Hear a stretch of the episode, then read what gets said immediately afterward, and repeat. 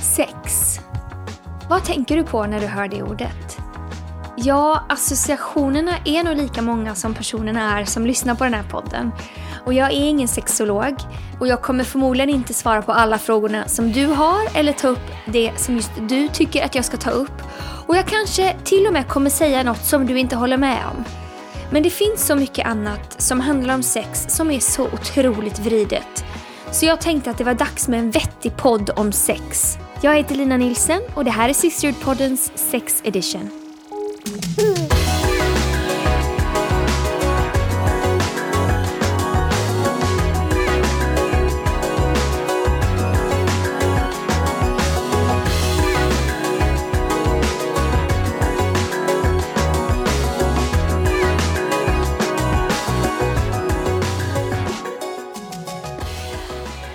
Det var en gång en man och en kvinna som hette Adam och Eva. De var båda skapade av Gud. Adam och Eva var helt nakna, de skämdes inte för varandra och inte inför Gud. Guds första befallning till de båda tillsammans var Var fruktsamma, föröka er, uppfyll jorden och lägg den under er. Gud skapade sex. Och han gjorde det inte bara som en tråkig nödvändighet, han gjorde det till någonting njutbart. Du är alltså på något sätt en sexuell varelse. Men när människan valde bort Gud och hans riktlinjer, då kom skam in i bilden.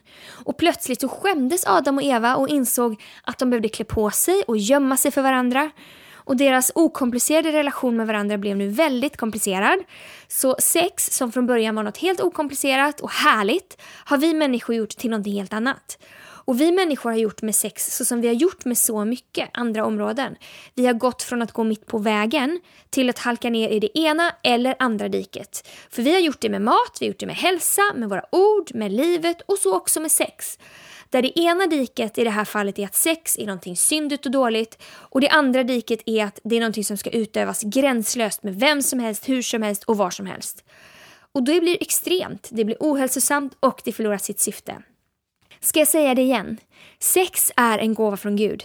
Det är någonting som han har skapat. Och vilken bra uppfinning, eller hur? Men Bibeln är tydlig om att platsen för sex är i ett äktenskap. Och jag vet att jag låter som jag kommer från en helt annan planet, eller i alla fall från ett annat årtusende när jag säger det. Eftersom man nu för tiden pratar om att sex är någonting man borde ha med vem som helst, var som helst, hur som helst. Och personligen så tycker jag att det är så tragiskt. För vi har fullständigt devalverat sex och dess värde och det som en gång var någonting värdefullt har blivit helt slit och släng. Så den här podden kommer mest handla om sex i äktenskapet eftersom det är där det hör hemma. Men låt mig först säga några saker till dig som inte är gift. Du är skapad till att ha sex. Och troligtvis kommer du ha det någon gång i livet om du inte redan haft det. Men hur du hanterar din singeltid eller en tid när du dejtar, det kommer påverka hur ditt sexliv kommer vara sen i äktenskapet. Så redan nu kan du investera in i ditt framtida sexliv. Och här är mitt råd, ett riktigt seriöst råd. Innan du är gift, ha inte sex. Det är inget skämt, jag menar helt fullt allvar med det. Eh, och jag ska återkomma till varför. Men jag vill också säga, titta inte på porr. Porr kommer vi återkomma till lite senare, men här är fem anledningar till varför du ska vänta med sex till din livspartner. Nummer ett. De du har sex med innan din livspartner, de kommer du minnas. Det är vetenskapligt bevisat att de ögonblick som man har väldigt starka känslor, det är de ögonblick man minns bäst. Så, nummer två. Sex är till för att binda ihop människor. Bibeln beskriver det som att man blir ett. Så när du har sex med en person och sen märker att det inte är ni som ska vara tillsammans, då kan det vara otroligt svårt att bryta det bandet, för det finns liksom fortfarande någonting kvar mellan er. Och är man gift, då är det bandet någonting väldigt bra. Men är man inte gift, då kan det bli väldigt, väldigt jobbigt. Nummer tre. Av sex blir det barn. Och ofta trots att man inte planerat det. Med eller utan preventivmedel blir det barn. Och abortstatistiken talar trots allt sitt tydliga språk där. Så ha inte sex med en man som du inte vill ska bli far till dina barn. För det kan bli barn. Nummer fyra. Avhållsamhet handlar om disciplin. Du vill att din framtida man ska kunna klara av att hålla sig från att ha sex. Att han ska ha tränat på det. För vad händer annars när någon av er reser i jobbet och ni är skilda åt för en längre tid? Eller när någon av er är sjuka eller att ni av någon annan anledning inte kan ha sex med varandra. Tro mig, du vill att han ska kunna hålla sig och inte söka sex på någon annan plats. Man kan överleva utan sex för en period. Man kan bara behöva öva sig på det. Nummer fem. Det finns flera vetenskapliga undersökningar som visar att par som inte bott sambo och inte haft sex innan äktenskapet har lägre skilsmässostatistik. Det vill säga att en högre skilsmässostatistik hos par som inte väntat med att ha sex med varandra innan äktenskapet. Och jag återkommer i slutet på den här podden om var du kan läsa mer om de undersökningarna. Jag lägger absolut ingen värdering i hur du lever just nu, men oavsett hur din syn har varit på sex hittills så hoppas jag att vi genom det här poddavsnittet kan få ge dig lite perspektiv. Och det jag älskar med Gud är att det alltid finns en ny chans. Så du kan välja idag vilket liv du vill leva från och med nu. Varje dag finns det ny nåd. Gud kan göra allting nytt. Jag älskar det. Så med det sagt, sex är någonting bra, något fint, något värdefullt, något härligt i rätt kontext. Jag tänkte att jag skulle prata med två vänner till mig om sex. Det är Marlene Agimo och Sandra Cotton. Låt mig säga någonting om Marlene Agimo. Marcus frågade chans på Marlene när de var 13 år gamla och sedan dess har de hängt ihop. Hon är 49 år i år och i sommar har de varit gifta i 29 år och har tillsammans tre vuxna barn, ett barnbarn och en tax. Tillsammans driver de flera bolag där Marlene bland annat har en stor blogg, hon sysslar med inredning och hon har olika event med sitt eget kaffe. Ja, listan om Mallen kan göras lång. Och Sandra Cotton. Sandra är född 1984. Hon har sonen Harrison tillsammans med sin man Benjamin.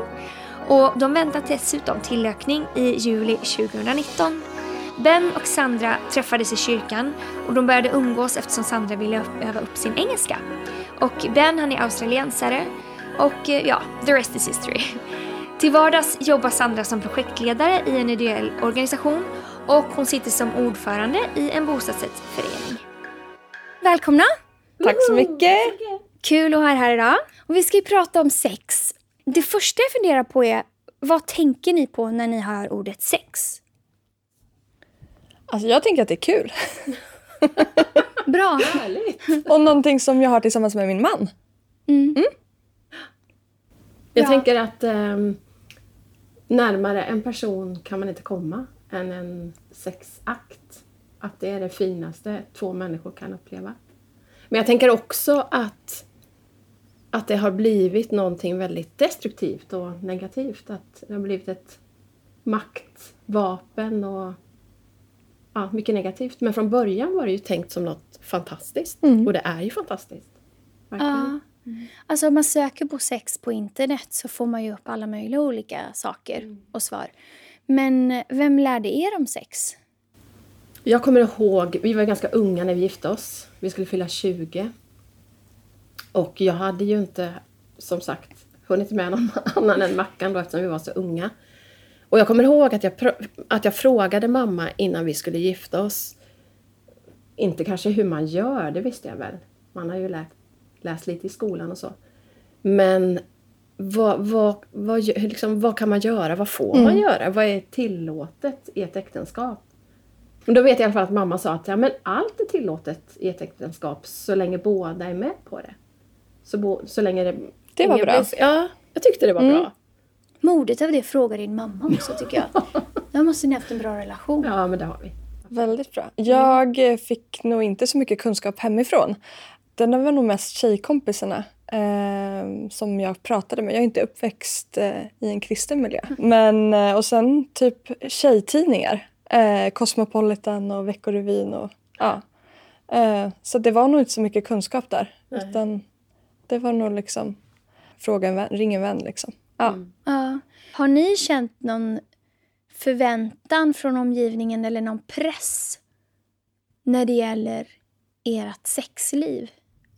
Inte personligen, men, men jag har ändå upplevt i omgivningen att det, att det nog finns en sån. Ja, men att man inte har sex tillräckligt ofta eller, eller lika ofta som alla andra. Mm. Som man tror då. Ja. Jag kan också känna när jag växte upp som tonåring att det förväntades vara det nästa steget i en, i en relation med sin pojkvän. Och om man inte valde det så var det konstigt. Eh, för att hur ska man kunna fördjupa en relation om man inte har sex med varandra? Mm. Vad har ni lärt er om sex då? Som ni inte visste? För 10 år sedan? 20 år sedan? 30 år sedan?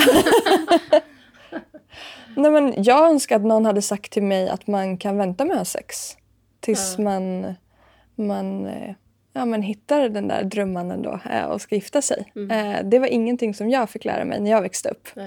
Och medan jag då är uppvuxen tvärtom, när man nästan hamnade i det andra diket, att när jag väl gifte mig och vi skulle ha sex så var det nästan något fult. Mm. Därför att det var den, det var lite så man undervisade i kyrkan på den tiden. Något syndigt liksom. ja, men, något, ja, men precis. Något syndigt som man inte skulle hålla på med. Så det var det jag hade i bagaget. Det låter verkligen som två ytterligheter. Ja. Varsin. Jag tror Ja. det. Ja. Eh, pratar ni om sex med era vänner? ja, det tror jag är viktigt. Att prata med någon om, om vad det än är i livet, men det som är viktigt för en. Eh, oavsett vilken säsong man är i. Eh, om man är i småbarnslivet eller om man är precis nygift. Eller om man, Mm. men också prata om, med de som har gått före. Så det tror jag är viktigt. Nej, jag kan inte säga att jag har gjort det särskilt mycket. Men där för, några, för ett tag sedan så hade vi en tjejfrukost hemma hos en kompis i kyrkan. Och det är nog första gången som vi verkligen pratade om sex. Och det var så befriande. Det var så otroligt bra. Jag fick med mig jättemycket efter den där frukosten. Mm. Och då tänkte jag att wow, det här behöver vi prata mer om. Det gör vi ju nu, så det är superbra. Mm. Nu gör vi en podd det Ja, helt enkelt. Hur viktigt tycker ni att sex är då i ett äktenskap? På en skala från 1 till 10. Tio. Och varför? Tio. 10. Ja. ja. Varför? Därför att jag tänker att allt annat i en relation kan jag ha med vems, eller med någon annan, en nära vän, en, en familjemedlem eller... Men sex, det, det är det enda som jag och Mackan då i mitt fall, eller som man som partner med varandra har tillsammans, som man inte har med någon annan. Mm. Så jag tänker att det, det är liksom kittet i vår relation. Mm. Super, super viktigt. Det är så sant. Jag hade tänkt säga en åtta, men nu säger jag också en tia. Ja. Du vill inte verka, verka sån. Nej, när du, när du säger det så. Men det är så sant, för det är ingen annan än min man som, som jag kan ha sex med. Nej. Utan det är liksom for life. Så att Ja. Om inte vi har sex så, har, så finns det ingen annan. Nej. Mm. Nej. Vad tror ni det gör i ett äktenskap om man inte har sex då? Alltså jag tror att man eh, kan bli eh, frustrerad på saker som man inte hade blivit frustrerad på. Och kanske små saker blir stora som inte hade blivit det. Ehm, jag tänker också att man... Eh, alltså man, när man har sex blir man ju ett. Så att Ja, då kan man erövra världen efter det. Och sen, jag blir en bättre fru och min man blir en bättre man. Så att vi har ju ett härligare liv. Verkligen. Jag tänker att det är ju, det är ju verkligen en speciell känsla efter en sexakt. Eh, det, man känner ju sig verkligen ett. Mm. Alltså, det är ju en fantastisk känsla och jag tänker att om man inte upplever den i äktenskapet, jag tror att det blir destruktivt i längden, verkligen. Sen kan man ju ha perioder, alltså, men de får inte bli för långa, tror jag. Nej, det står till och med i Bibeln. Att man inte ska avhålla sig för länge. Nej, men det, sen är ju livet olika säsonger som Ja, du sa. verkligen. Så här, man får barn, Mm. det är en säsong. Man kan vara sjuk, Mm. säsong. Man kan resa och vara ifrån varandra Ja. rent fysiskt. Mm. Men hur mycket tycker ni att det fysiska och psykiska hänger ihop i sex? Jättemycket. Ja, verkligen. Det går liksom inte att separera. Nej. Att det bara blir en sån fysisk akt och sen liksom lämnar man sina känslor i ja, Nej. vardagsrummet. Någon Nej, men någon annanstans. Ja. Det, det går liksom inte. Nej. Utan, och det är ju tänkt att det ska vara en helhet. Ehm, så det, man blir ju påverkad hela en ja, kropp och själ. Och, Ja, Ja. verkligen. När jag eh, växte upp eller när jag pratade med mina kompisar så, här, så var det väldigt många som säger att man måste ju testa innan om man passar ihop sexuellt. Liksom. Man måste ju testa att ha sex med varandra innan man bestämmer sig för att det är vi. För vi måste veta om vi passar ihop. Hur tänker ni om det? Det fick jag ju också höra eftersom vi var så unga när vi gifte oss, 20 år. Eh, och mina kompisar då som, som inte var kristna eller som inte hade den kontexten eller det sättet att se på saken eh, blev ju helt förskräckta när de hörde att vi inte hade legat med varandra. Men, och ska ni gifta er? Tänk om ni inte passar i sängen? Det har jag Ja. hört jättemycket. Men jag tänker att eh, då, då tar man det från fel håll. Jag tänker att det handlar ju om att lära känna en person och älska en person och sen utforska det sexuella Mm. tillsammans. Ja, jag tänker att man, när man har sex första gången så är man ju inte, det är inte den bästa gången du kommer ha sex utan Nej. det är som allt annat. Mm. Man tränar och blir bättre liksom och lär känna varandra och vad man gillar och inte. Mm. Ehm, ja, men jag har ju inte växt upp i en kristen kontext utan blev frälst när jag var 23. Eh, så jag hade levt ett annat liv när jag blev frälst. Ehm, och sen när jag träffade Benjamin fem år senare så hade han valt att vänta eh, tills han gifte sig med att ha sex. Så det blev ju självklart för mig då att vi skulle göra det tillsammans. Om jag ville vara med honom så, så tog vi det beslutet tillsammans. Och vi valde att ja, men inte flytta ihop innan vi gifte oss. Eh, ja, och tog massor med andra beslut på vägen. Första beslutet var bara att ja, vi ska inte ha sex. Sen insåg vi att det inte var lika lätt att säga det som att göra det. Men eh, tror du att ni har sämre sex för det? Ert äktenskap nu? Nej men... Nej det tror jag verkligen inte. Och vi fick en tid innan som, som vi kanske inte hade kunnat fokusera lika mycket på att bygga vår relation och vår vänskap. Och det var helt fantastiskt för det var någonting nytt för mig. Så att eh, det ser jag verkligen som en välsignelse i vårt äktenskap idag. Att vi fick eh, en sån härlig tid tillsammans innan vi gifte oss. Mm. Mm.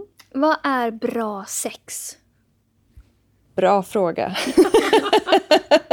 Ja, men det är väl att båda är nöjda. Att båda, att båda har njutit och... Tänker jag. Ja, och att eh, bra sex tänker jag att, eller om jag försöker tjäna min man på bästa sätt och han tänker likadant, att han fick, försöker göra det bästa för mig. Då är det verkligen win-win. Då kommer vi ha en grym relation men också ett grymt sexliv. För då är man ju där för den andra istället för att så här, ja men vad kan jag få ut av det här? Men det bygger också på, då tänker jag, att ni har pratat, Ben och du, om vad tycker du om? Vad, vad tycker jag inte om? Ja, det stämmer. Och det, ja, precis. Och jag tänker att där tror jag att det skiter sig för många, om man ska uttrycka det så. Att, Ja. att man inte pratar om det. Att det blir så laddat. Jag vet inte. Så Ja. laddat och sånt tabu att man inte pratar med varandra Mm. om vad man njuter av och vad man inte tycker om. Och, Ja. För det tänk, tycker jag var en grej så här, att så här, ja men jag typ gillar inte sex, bara, men jag kan inte komma. Alltså det här att man Precis. tror att man då inte gillar precis. sex. Exakt. För att man liksom inte njuter av det. Och att då mannen heller kanske inte riktigt vet eller hur För att hon vågar inte heller kanske uttrycka sig. För att man kommer med kanske bagage eller hur man har växt upp. Att det liksom sex är fult eller skämmigt eller Ja. att man inte får liksom ja. Eller att man inte uttrycka ska sig. söka sitt Nej, eget. absolut inte. Du ska ju leva som nunna och sen ska det vara värsta sexguden på bröllopsnatten. Ja, Det är ju ja. helt ologiskt. Ja, Ja. verkligen. Man ska bara veta det. Ja, precis. Det ska bara gå av sig själv. Ja. Finns det något typiskt manligt och kvinnligt då? När det gäller sex, tror ni? Jag förstår att man måste generalisera. Man pratar så. Man kan inte säga att det är på individnivå Nej, bara. precis. Men med en liten generalisering. Eh, Nej, men jag tänker att om man kommer till själva liksom sexet så, så kanske ett förspel generellt för kvinnor börjar mycket tidigare. Alltså det kan vara att eh, ja, men, min man kommer hem med mat och han kanske har köpt blommor och han tar vår son och läser för honom och lägger honom. Och, eh, ja, men, eh, det liksom börjar där. det är Ja, liksom inte verkligen. liksom, ja, men nu ska vi ha sex, okej. pang Utan- på. Ja. Ja. Mm. Och att det kanske tar längre tid också för tjejer att liksom, ja, komma dit. Eh, Medan en kille kan gå på en sekund. Liksom. Så. Mm. Verkligen. Men jag tänker återigen då att det grundar sig i att Ben vet vad du uppskattar. Alltså han, han måste ha tagit reda på och märkt och ansträngt sig för att tänka att nu ska jag köpa hem mat eller vad det nu Ja. är. Eh, och Alltså han är ju smart. Men jag tänker återigen att det handlar så mycket om att prata med varandra. Vad är det som gör att jag känner mig uppskattad Ja. och, och vill ha sex överhuvudtaget? Mm. Eller bara känner mig älskad och uppskattad? Att, Mm. att, eh, vi pratar ju om kärlekens fem språk. Mm. Det är ju ganska Mm.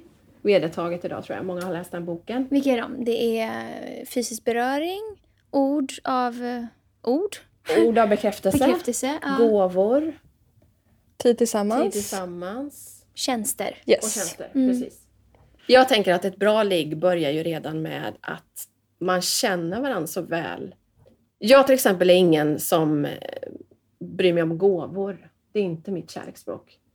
Eh, och om Mackan inte hade vetat om det utan köpt massa gåvor till Mm. mig, blommor och, och tyckt att han verkligen visade uppskattning och kärlek så tar jag ju inte emot det på det sättet som Mm. han önskar. Så jag, min erfarenhet säger att allt handlar om att prata, att, att anstränga sig och vilja älska dem. Mm. Det är ju inte den informationen man får tycker jag när man läser tidningar och sådär. Utan där, det är ju visserligen gjort för att skapa rubriker och sälja många exemplar. Men där är det mer så här, hitta den där punkten Ja, eller ja. det där knepet Mm. eller den där knappen Ja. eller den där tekniken Ja. eller som på något sätt ska vara generell. Mm. Liksom. Som ska vara så här, det här funkar på alla tjejer. Det här funkar på alla. Ja. Så här. Men eh, att det handlar om att lära känna någon, som du säger. Ja. Det kräver ju lite commitment. ja, men verkligen. Men det jag tänkte på som jag pratade, har pratat med en del tjejkompisar som kanske inte man tänker på. Att när man har sex eh, och som tjej så tror jag att eh, statistiken visar att 20 eller 30 procent kan komma genom eh, penetration. Eh, att du behöver liksom... Annan stimulans. Exakt! Ja. Och att det är helt normalt. Mm. Men att det kan ju vara bra att veta det. Mm. Så att man inte tror att det är någonting fel eller att, så här, att man kanske inte gillar sex på grund av att man inte kan komma. Nej. Nej. Nej, precis. Precis, bra. Mm. Och då att man då behöver hitta sätt så att det blir Ja. skönt för båda. Ja, verkligen. Det är ju skillnad mellan manligt och kvinnligt också kanske. Ja. Rent fysiskt. Ja. Att det krävs lite mer kanske. Ja. För tjejer Ja. än för killar generellt. Verkligen. Man får hjälpa honom och lära honom att det börjar redan på morgonen. Mm. Eh, med vad man nu tycker om. Mm. Eh, Ja, men det är väl jättebra. Om man kan tänka att förspelet redan börjar på morgonen. När man vaknar och ska iväg till jobbet. Ja. Och jag tänker också så här, lära känna sig själv som, som kille. Eh, vi har ju en son, han är två. Och hans eh, kön, eh, han ser ju det. Och, och liksom kan undersöka det från att han är väldigt liten. Medan man som tjej inte riktigt ser. Du behöver ju använda en spegel för att veta hur du ser ut till exempel. Mm. Och att, eh, ja, att det är okej. Lära Ja. känna sig själv liksom. Att på något sätt för att liksom ens, ens eh, relation och äktenskap ska kunna blomstra också. mm. Och att det är ingenting att skämmas över sin sexualitet utan det är någonting helt eh, normalt som Gud har skapat eh, för oss i vårt äktenskap. Mm. Och också att det inte är något nederlag då att det inte går för en på en Nej. gång. Nej, Eller liksom att det inte är precis. fantastiskt och himlastormande på en gång. Nej. Det är inget, inget nederlag för mannen och det är inget nederlag för kvinnan. Utan man behöver bara hjälp, lära känna varandra och hjälpas åt så Ja. att det blir Mm. bra för båda. Liksom. Ja. Ja. Att det är okej att det är liksom en resa. Ja, Ja. Att det inte behöver vara så här. Himlastormande från början. Nej, Nej, men också tänker eller jag varje att, gång. Nej, Nej. Exakt, det var det jag tänkte säga. att Ena gången går det för dig, andra gången går det för mig. Och, och de bästa gångerna går det för båda. Mm. Men det är liksom ingen big deal. Nej, Utan att... man har fler chanser. Ja, Ja.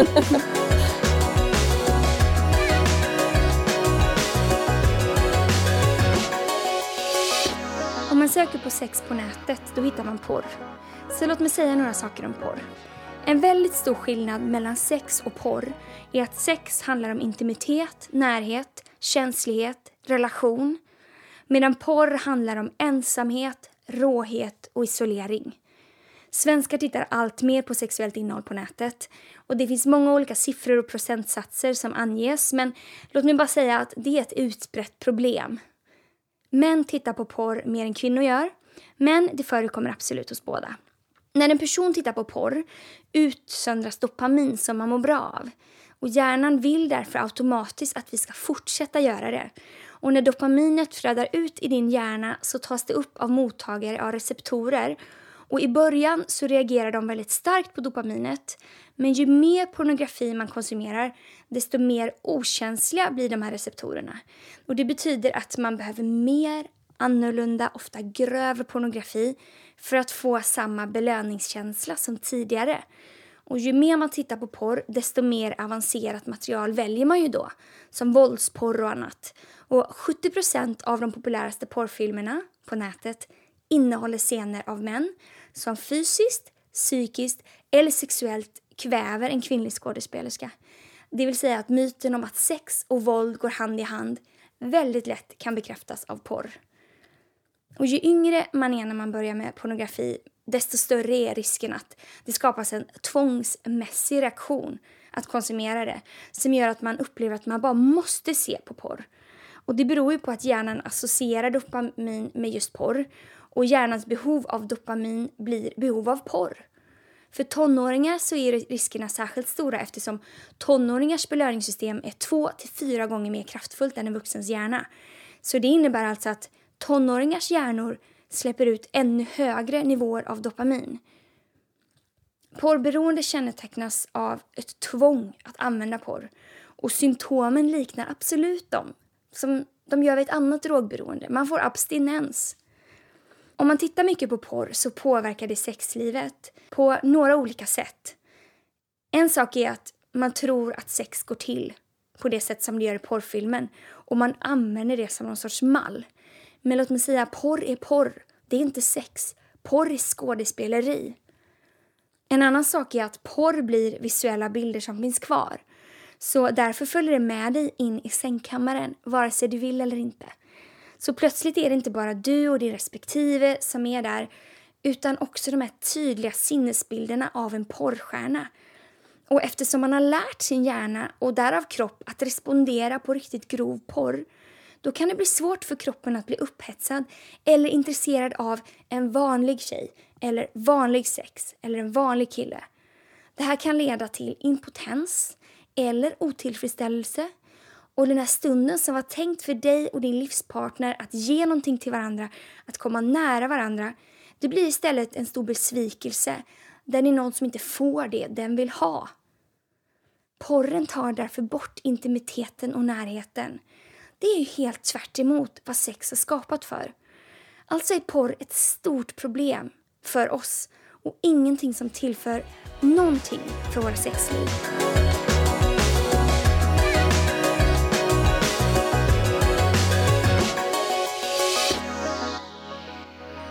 Hur eh, kan sex förändras i olika säsonger då?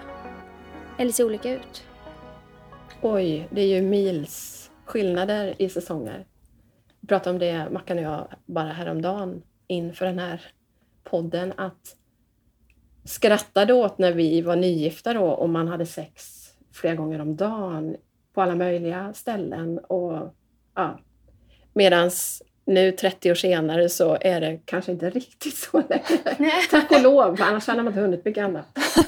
Ehm, även om man, eller vi då får jag säga, hade väldigt mycket mer sex då så är det ju bättre sex idag.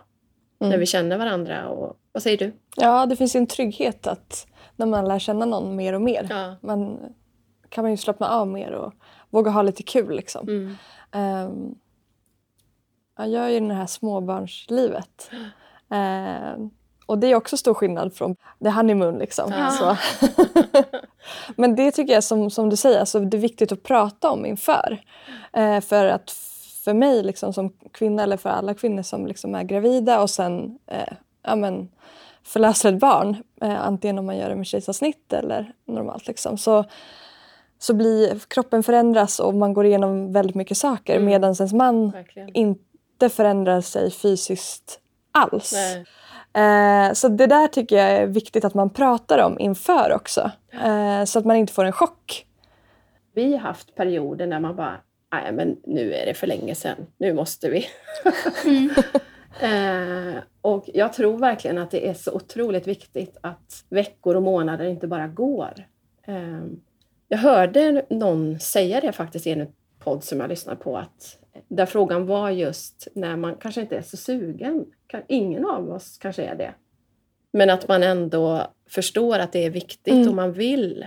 Ja, men då får man väl eh, mysa till det och, och den här personen sa men smörj in varandra med olja, tänd ljus. Mm.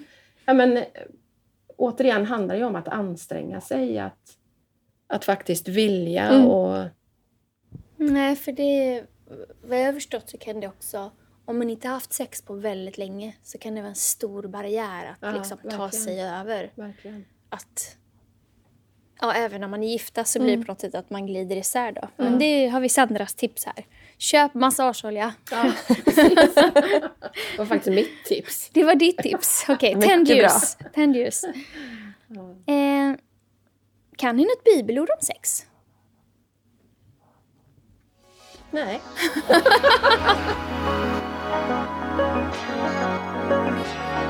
Om du liksom Sandra och Mallen inte kan komma på ett enda bibelord om sex så kommer här tre stycken till dig. I Efesierbrevet kapitel 5, vers 21 så står det Underordna er varandra i fruktan för Kristus. Från vers 31. Det är därför en man lämnar sin far och mor och håller sig till sin hustru så att de två blir ett kött. Från vers 33. Men också en man ska älska sin hustru som sig själv och hustrun ska visa sin man respekt. Sen står det i första Korinthierbrevet kapitel 7 från vers 3 och framåt. Mannen ska ge sin hustru vad han är skyldig till och likadant hustrun sin man. En kvinnas kropp tillhör inte henne själv utan hennes man och på samma sätt tillhör en mans kropp inte honom själv utan hans hustru.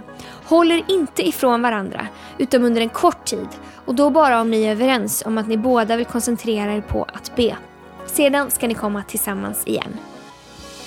Sen finns det en hel bok i Bibeln som handlar väldigt mycket om sex och den heter Höga Visan. Där kan du läsa och bli inspirerad.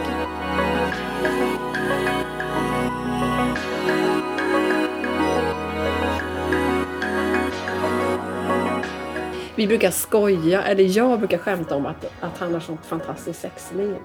Han har sånt fantastiskt sexliv. Men det jag vill komma till där är att man kanske i, i säsonger i alla fall har olika behov av Mm. sex. Jag har ett väldigt stort fysiskt behov. Men jag har kanske inte samma behov av sex, själva akten, Mm. som Mm. Mackan har. Mm. Och att det också är Verkligen. vanligt Ja. tror jag. Nu refererar jag till småbarnslivet ändå, men om en bebis sitter på en hela tiden och man liksom matar dem och liksom är nära dem dygnet runt. Och sen då när kanske ens man kommer hem från jobbet, då kanske det enda man vill är att bara få tio minuter själv. Liksom. Ja. Att man liksom inte kanske är jättesugen. Eh, men då får man också tänka på att liksom, den första i, i, i vår familj, i vår relation, det är ju min man och min relation. För min, relationen till mitt barn, det kommer ju liksom naturligt. Den behöver jag inte kämpa för. Eh, den, är ju liksom, den finns där. Men min relation till min man behöver jag jobba på. Verkligen. Eh, så att prioritera sin relation även i säsonger som är Mm. eh, annorlunda än kanske ens vardag. Eller vad man säger. Mm, och även när man inte känner för det då. Exakt. En annan sak som är, kan vara utmanande för många det är ju trötthet. Ja, Rätt och slätt. Genom olika säsonger. Så här, Nej, för trött. Ja. Ja, verkligen. Nej. Ja, och man kanske båda är för trötta. Mm. Och då är det väl okej. Ja, men då kan man Ja. hålla handen den kvällen. Liksom. Ja. Det är inte så att... Men att man får tillåta sig då att vara trött och att man vet att det är en säsong. Att Mm. det här kommer inte vara hela livet utan just nu sover ingen. Nej, eh, och låt oss sova lite så att vi ändå kan ha det lite härligt. Och där tror jag återigen att hemligheten är att prata om det. För om, om, Ja, om man, så länge man talar ut att ja, men nu är vi i en säsong Mm. när vi är lite trötta, det är fine att vi inte har sex. Men när man bara låter tiden gå, Mm. det är då det blir farligt. Ja. Man då börjar tro att Ja. den andra tänker Ja, något men eller precis. inte är intresserad. Eller precis. vad det nu kan vara. Ja, för så fort man inte pratar så börjar man ju tänka själv. Ja. Är det fel på mig? Och så här, ja Mm. men ja, min partner sa nej igen och ska Mm. jag våga fråga igen? För det är ändå ett ganska stort steg att ge sig ut och bara så, ja, liksom försöka initiera sex. Om man då blir, ja, får ett nej hela tiden då slutar man ju fråga. Mm. Mm. Så att jag tänker att man... Jag känner några som har 24 timmars regeln. Om den ena frågar och den andra säger nej, då måste de ha sex inom 24 Vad du timmar. menar? I de har 24 sex. timmar. Säg att de har sex. Var, det får inte gå mer än 24 Jaha. timmar. Nej men alltså om någon, bara för att man inte ska känna sig Ja, eh, just det. Mm. rejected eller Ja. liksom så här. Ja. Så om någon frågar, nej men jag orkar inte nu men jag lovar inom 24 timmar så, så blir det av. Då har man något att se Jag vet fram emot. Då har man ändå Ja. en frys. det är ju bra. Ja. Tror ni att man kan förbereda sig på att ha sex utan att ha sex? Ja, det tror jag. Ehm, innan man gifter sig så är ju bröllopsnatten liksom den stora dagen. Precis, ja. som, som man både ser fram emot men kanske också kan vara lite nervös inför.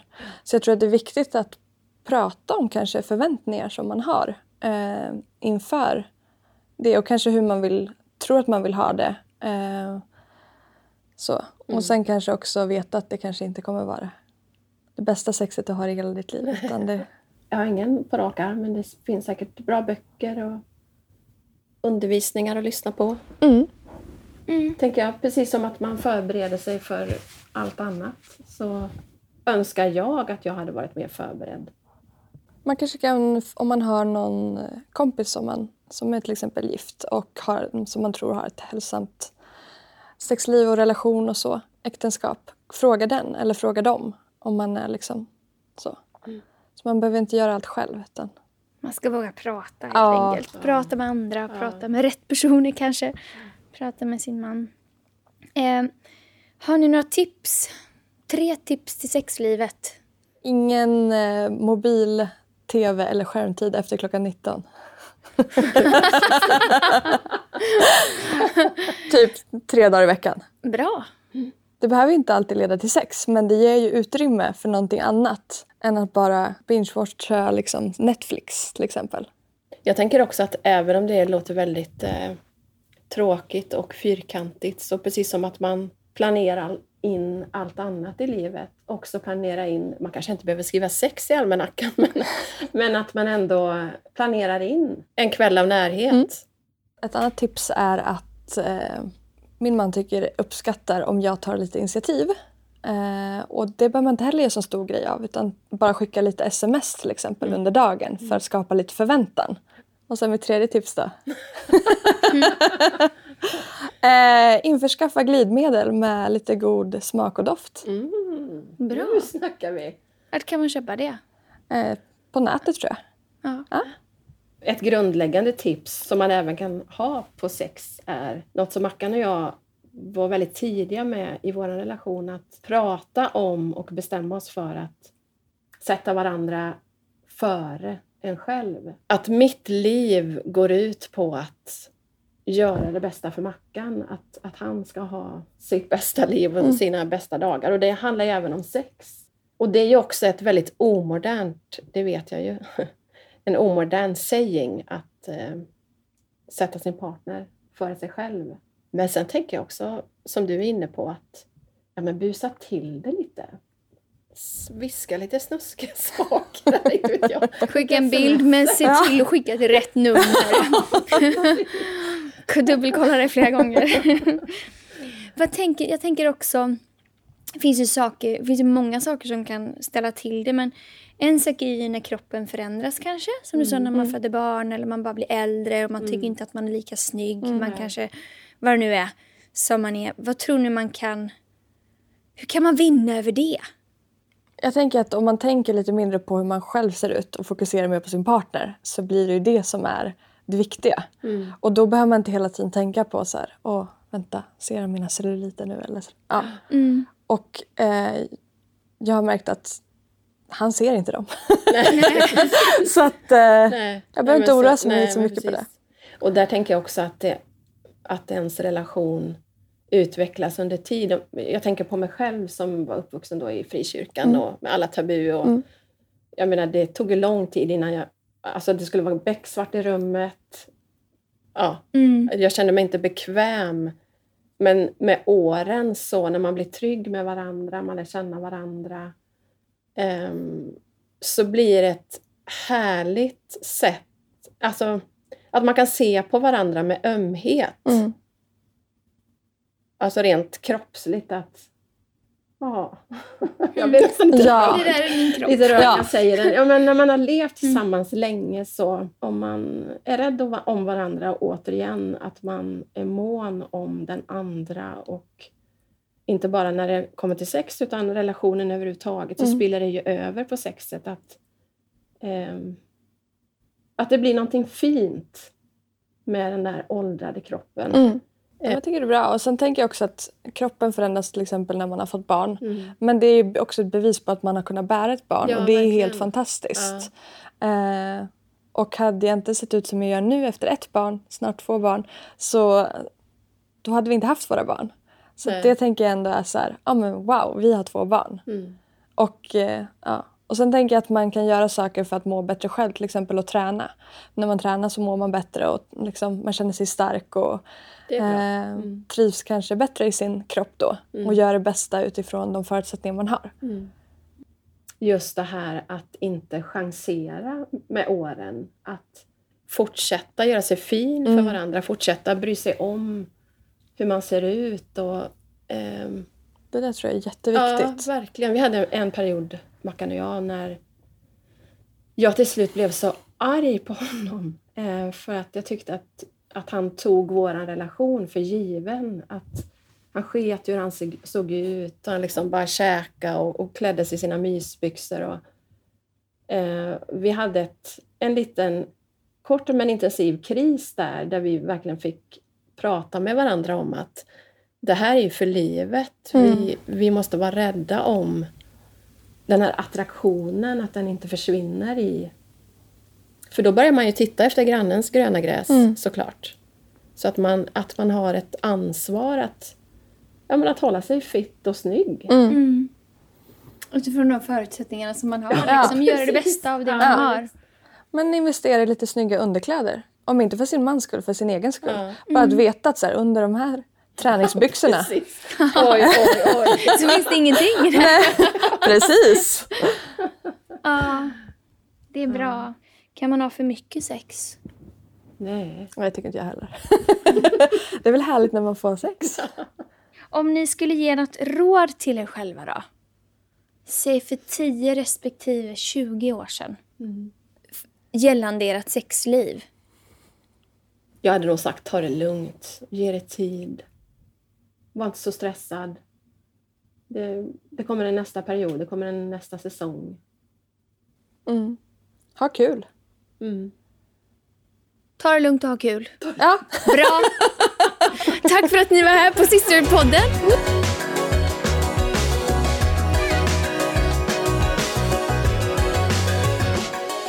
Sex är en viktig del av ett bra äktenskap, men det är ju inte allt. Det finns andra delar också som är viktiga.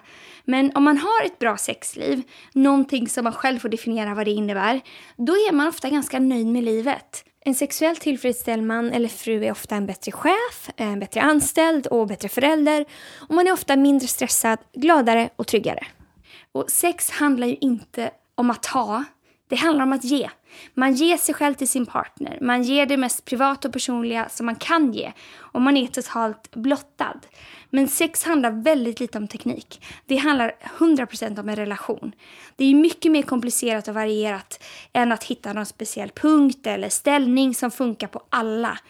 Sex handlar om att lära känna den andra personen och vad den uppskattar och tycker om. För precis som med allt annat så är det väldigt individuellt vad man tycker om. Och för att kunna upptäcka det så krävs det ju en del tid. Så om sexet inte är fantastiskt under bröllopsnatten, vilket det är för en del men absolut inte för alla, då har det all potential att bli det. Att det kommer bli jättebra. För att ni älskar varandra och ni vill det bästa för varandra. Och precis som med allt annat så ska man inte jämföra sitt sexliv med någon annans. Ibland kan man läsa att lyckliga par har sex så och så många gånger i veckan eller så och så ofta. Men det skapar ju bara kramp om du inte har sex så och så ofta. Paulus säger i Bibeln att det är osmart att jämföra sig. Och så säger också jag. Det är osmart. Sluta upp med det. I första Korintierbrevet kapitel 13, vers 5 så står det om kärleken, i kärlekens lov som det kallas. Det står om kärleken att den beter sig inte illa och den söker inte sitt. Och sex handlar ju 100% om kärlek. Och det bästa sexlivet får man när man inte bara söker sitt. Det är när båda i äktenskapet har den inställningen att man vill ge någonting till den andra, man vill göra det så bra som möjligt för den andra. Det är då sex blir så som det har tänkt. Och Dr. Lehman skriver i eh, sin bok Sheet Music att sex är som att skapa musik. Och målet är att skapa musik och inte bara göra ljud. Precis som de spelar på en fiol. Han ger exemplet att första gången som man spelar på en fiol så blir det förhoppningsvis någon form av ljud men inte troligtvis särskilt vacker musik. Och för att kunna skapa musik behöver man lära känna instrumentet. Eh, eller så han beskriver det också som att det är som att laga mat, att laga en viss maträtt. Man behöver upptäcka vilka ingredienser som funkar och som man tycker om, men också bestämma sig för vilken sorts rätt man vill laga just det tillfället. För man kanske vill laga olika sorters rätter vid olika tillfällen. Så sex är så mycket mer än någonting fysiskt. Eh, och er relation påverkar ert sexliv och ert sexliv påverkar er relation. Men här är tio vanliga saker som kan vara utmaningar för ett bra eller välfungerande sexliv. Eh, nummer ett, brist på kommunikation. Det är märkligt hur lite par generellt pratar, eller verkar prata, om sex med varandra. Man kan ju prata om allt annat, vad man gillar, hur man vill ha det, vad man föredrar. Men när det kommer till sex så tror man att den andra ska kunna läsa tankar. Det kan man inte. Man behöver berätta. Man behöver prata om det. Man behöver prata om hur man vill ha det. Eh, nummer två, bagage från uppväxten som ger en ansträngd syn på sex. Kanske har man vuxit upp i en miljö där man inte pratade om sex eller när sex sågs som någonting syndigt eller dåligt. Och det kan vara svårt att ställa om över en natt. Men det går att ändra på. Nummer tre. Erfarenheter som man önskar att man hade varit utan. Kanske har man blivit sexuellt utnyttjad och kan nu inte associera intimitet till något annat än något hemskt. Kanske har man konsumerat porr. Kanske har ni redan haft sex och du gillar det inte. Inte den första gången, inte gången efter det, inte gången efter det. Och nu tror du att det inte är något för dig. Men då är kommunikation, punkt nummer ett, någonting för er. Ni måste prata med varandra. Det är inte så lätt att veta hur du vill ha det. Det är inte kanske lätt för dig heller att veta hur du vill ha det. Men ni behöver prata med varandra och hitta ett sätt så att det blir bra för er båda två. Nummer fyra, skam och skuld. Kanske skam över hur man ser ut. Eh, eller över att man inte är tillräckligt bra i sängen. Eller skuld över tidigare sexpartners som man haft. Eller annat. Eh, nummer fem. Andra psykiska utmaningar. Det kan vara depression, stress, sorg eller annat som är relaterat till saker man helt enkelt går igenom i livet. Nummer sex. Problem i relationen. Att man inte känner sig respekterad och uppskattad. Eh, och särskilt manipulation och kontroll påverkar sexlusten väldigt mycket. Nummer sju. Trötthet. Det här är den vanligaste anledningen hos kvinnor. 8. Olika säsonger då kroppen förändras. Det kan vara när man blir gravid, det kan vara när man har fött barn, det kan vara när man går igenom olika sjukdomar, det kan vara när man går igenom klimakteriet olika säsonger helt enkelt. När man behöver prata om det här och anpassa sexet till hur kroppen mår. Nummer nio. Medicin. En del mediciner som man tar för olika saker kan ha som biverkning att sexlusten minskar. Kan vara bra att veta och bra att ta reda på. Nummer 10. Smärta. Det ska inte göra ont att ha sex. Det kan göra ont vid sexdebuten och i början kan det göra ont eftersom din kropp inte är van vid det. Men det ska gå över. Och har du ont, det finns fysiska anledningar till det, att kanske just du har det så, då kan du få hjälp med det här. Du ska inte behöva ha ont och det är kanske inte säkert så heller att ni gör någonting fel. Men för alla de här tio vanliga sakerna eller andra utmaningar som ni kan ha så finns det hjälp att få.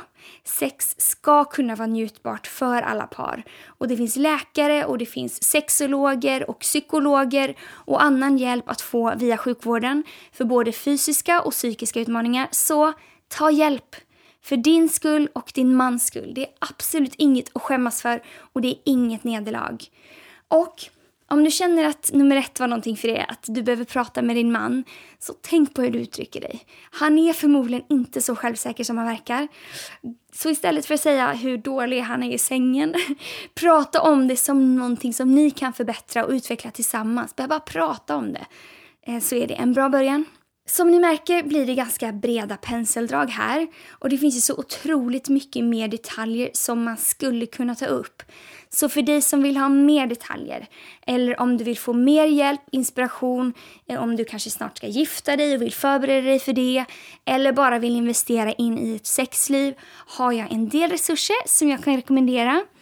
Det finns en bok som heter The Best Sex for Your Life av Patricia Weerakoon. W-E-E-R-A-C-O-O-N stavas hennes efternamn. Hon är en kristen sexterapeut. I hennes böcker så finns det både information, anatomi, information om olika säsonger och till och med bilder och övningar. Hon har även några andra böcker och hon har bloggar som du kan hitta på hennes hemsida patriciaweerakoon.org. Sen så har vi boken Sheet Music av Dr. Kevin Lehman som jag nämnde tidigare. Han är en kristen psykolog och hans bok Sheet Music är väldigt praktisk och väldigt ingående. Allt jag inte säger i denna podd, det säger han kan man säga. Boken finns i olika format och den finns även i ljudbok. Eh, det finns också några Youtube-klipp eh, där han talar om relationer och annat. I både Kevin Lehman och Patricia Weerakoons böcker så finns exempel på de där vetenskapliga undersökningarna av par som väntade respektive inte väntade med sex, som jag beskrev i början. Så där kan ni läsa mer om det. Eh, en bok som jag inte själv läst men har fått rekommenderad för unga människor är On Top av Cheryl Fagan. Eh, och jag vet att fler vettiga resurser inom ämnet kan du hitta på gottman.com. Där finns onlinekurser och allt möjligt. Så där har du lite resurser som du kan använda för att investera i ert sexliv.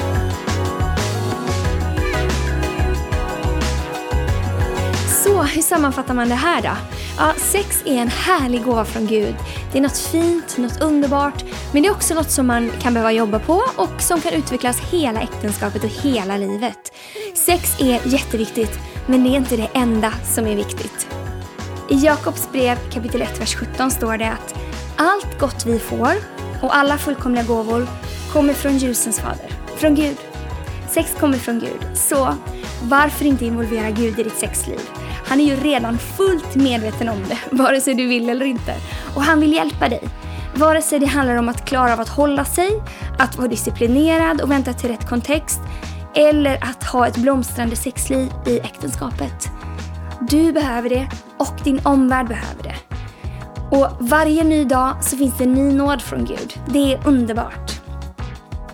Om det här var till någon hjälp för dig eller om du tror att det kan hjälpa någon annan, dela jättegärna det här avsnittet och skriv också gärna till oss på Sisterhood Sweden på Instagram eller mejla till sisterhood.hillsong.se. Glöm inte att du har en Gud som ser dig, som tror på dig och ett helt Sisterhood som finns här för dig.